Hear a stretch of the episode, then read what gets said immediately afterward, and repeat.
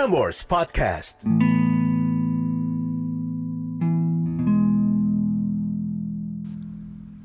Listen to this when you're feeling down on life. Story about a child, number four. Understand the past, move on to the future. Selasa, 11 Agustus 2020. You can beat me, but I'll never be down. Sebuah lirik dari lagu Dead Bachelors yang berjudul New Kid in Town.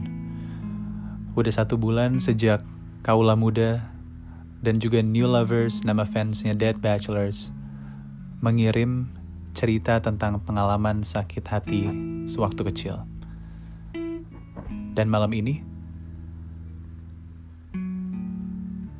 kita akan mendengar 10 catatan lagi dari kaula muda yang udah nge-share di narendrapawaka at gmail.com. So, if you listen to this now dan punya cerita yang pingin kamu ceritain, apa pun itu kaula muda, write it down dan kirim ke narendrapawaka at gmail.com and I'll see you on the next episode. But for now, siapkan hati untuk membuka 10 catatan tentang pengalaman sakit hati semasa kecil. And here comes the first note. Jadi, waktu itu di TK, aku tuh ada drum band. Nah, semua anak yang di TK itu ikut semua. Dan aku merasa cemburu sama anak guru yang langsung dijadikan mayoret. Padahal aku mau di posisi dia. Sambil ketawa kecil. Eh, taunya aku dapat posisi senar drum, snare drum, dan aku belajar mainnya tapi aku nggak ngerti-ngerti. Dan tibalah di kejadian yang nggak pernah aku lupain. Malam-malam, ibu ngajarin ketukan buat snare drumnya pakai baskom. Terus aku coba dan ternyata salah melulu. Dan ibu marah, diambilnya stick drum dan bilang, caranya itu satu, dua, tiga, dum. Sampai pecah itu baskom dan aku pun nangis. Dan kena marah abis-abisan dibilang bego dan posisiku diganti jadi yang bawa bendera. Kalau diinget-inget memang lucu. Namun itulah pengalaman rasa sakit hati waktu kecil. Kita buka catatan yang kedua. Aku bukan tipe orang yang suka belajar. Pernah satu kali ketika lagi curhat sama temenku dan ngomongin orang doang sih sebenarnya. Dan kebetulan yang diomongin itu orangnya emang pinter banget. Cantik dan humble, pokoknya perfect lah. Dan banyak orang yang suka bergaul dan banyak cowok yang suka sama dia. Terus salah satu di antara temenku itu nyeletuk. Kamu mah gak ada apa-apanya lah dibanding dia. Walaupun aku tahu sebenarnya maksud kata-kata itu candaan, tapi tetap aja itu buat aku mikir. Segitu gak mampunya kah aku buat nyaingin cewek itu? Itu sih yang pernah bikin aku sakit hati. Catatan yang ketiga. Aku ambi banget. Ambi banget buat masuk PTN mulai dari nyobain di Undip sampai UIN tapi semua gagal. Ternyata emang susah buat ngedapetin apa yang mau diraih. Nggak semata-mata kayak kita balikin telapak tangan. Terus entah ada angin apa, tiba-tiba mama bilang kayak gitu. Kamu nggak berguna banget di keluarga. Di situ aku hancur banget, dak. Aku kayak nggak punya semangat hidup. Self-injury, aku abisin rambut, ternyata makin-makin aku dikata anak stres sama mama. Aku gak kuat di zona yang cuman bisa ngejatohin diri aku. Akhirnya aku kerja jaga toko yang gak pernah libur, terus gaji cuman 1,2 dan itu 12 jam bekerja. Catatan yang keempat. Aku diangkat oleh sebuah keluarga. Aku berumur enam tahun saat itu.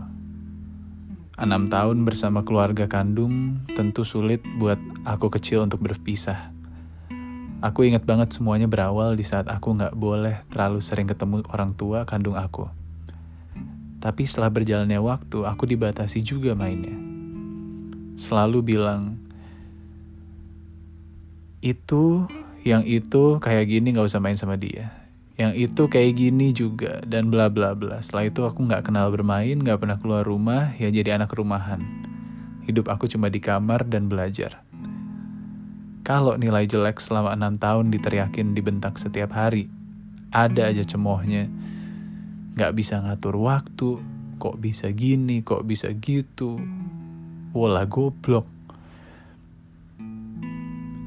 I'm trying my best, tapi mereka gak pernah puas. Kata-kata itu yang tertanam di otakku dari kecil. Self-harm aku semakin parah, aku gak bisa cerita ke siapa-siapa. Punya temen ya sekedar temen ngobrol aja. Gak pernah main buat ada pengalaman baru, bahkan untuk berorganisasi aku juga gak dibolehin. Catatan yang kelima. Waktu kecil sering banget dibanding-bandingkan. Apalagi basic keluargaku adalah keluarga besar. Kalau lakuin sesuatu dan gak bisa, sering dibilangin, masa gitu aja gak bisa sih? Mbak aja bisa loh.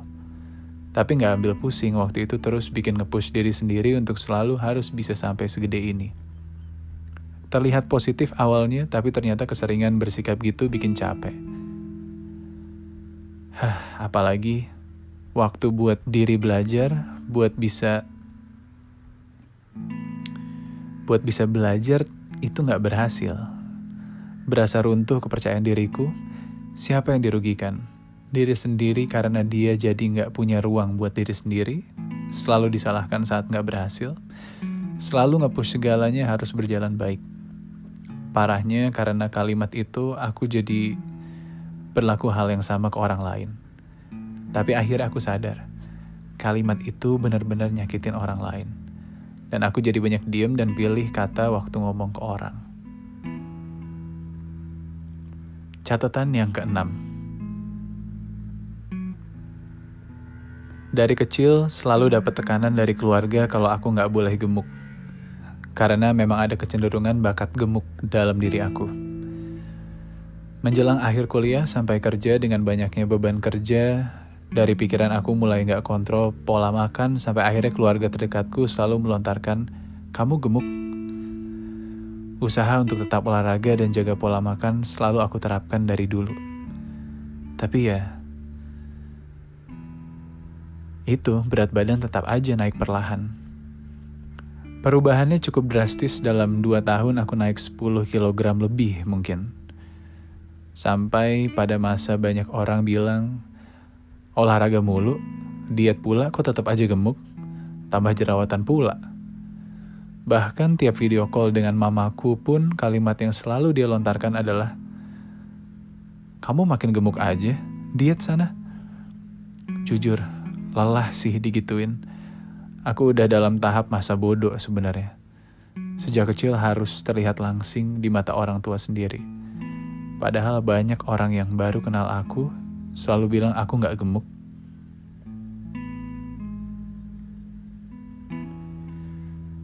Catatan yang ketujuh. Gue zaman SMA itu emang tukang tidur. Sampai bawa bed cover buat tidur di belakang kelas. Gue juga jadi ketua BTS yang notabene itu ilegal di sekolah. Dan ketahuan, terus ada di satu waktu wali kelas gue marah karena BTS gue ketahuan. Dia marah-marah terus bilang, kamu ya di sekolah kerjaannya tidur doang, prestasi gak ada, dasar kamu gak punya otak. Kemudian tiga bulan setelahnya gue bawa piala lomba FLS 2N, film pendek. Guru gue itu sekarang malu buat negor gue, ditambah gue masuk ilmu komunikasi UPN Veteran Jakarta. Catatan yang kedelapan Emang kamu bisa apa? Catatan yang kesembilan. Dasar kamu anak oon. Gara-gara nggak bisa ngerjain PR matematika pas SD. Catatan yang ke-10. Kamu kapan lulusnya? Lama amat. Padahal dia nggak pernah nemenin dan nggak tahu gimana struggle-nya aku skripsian. That is all the note di Story About a Child. Malam ini yang keempat. Untuk yang Story About a Child edisi ketiga, kedua, dan ke satu bisa kamu temukan di episode sebelumnya di catatan akhir malam. And I got a birthday gift buat kamu yang berulang tahun di tanggal 11 Agustus 2020. Here is a saying, a fortune saying on your birthday di tanggal 11 Agustus. You have positive ideas and opinions, but are sometimes diffident. You have determination, perseverance, and energy, and you are fond of sports and pleasures. You will not fall in love at first sight, but when you do love, you will do so thoroughly and will absolute and with absolute devotion. My name is Narendra Pawaka, and this is Catatan Akhir Malam. Have a good night, sleep tight, and don't let the bad bugs bite.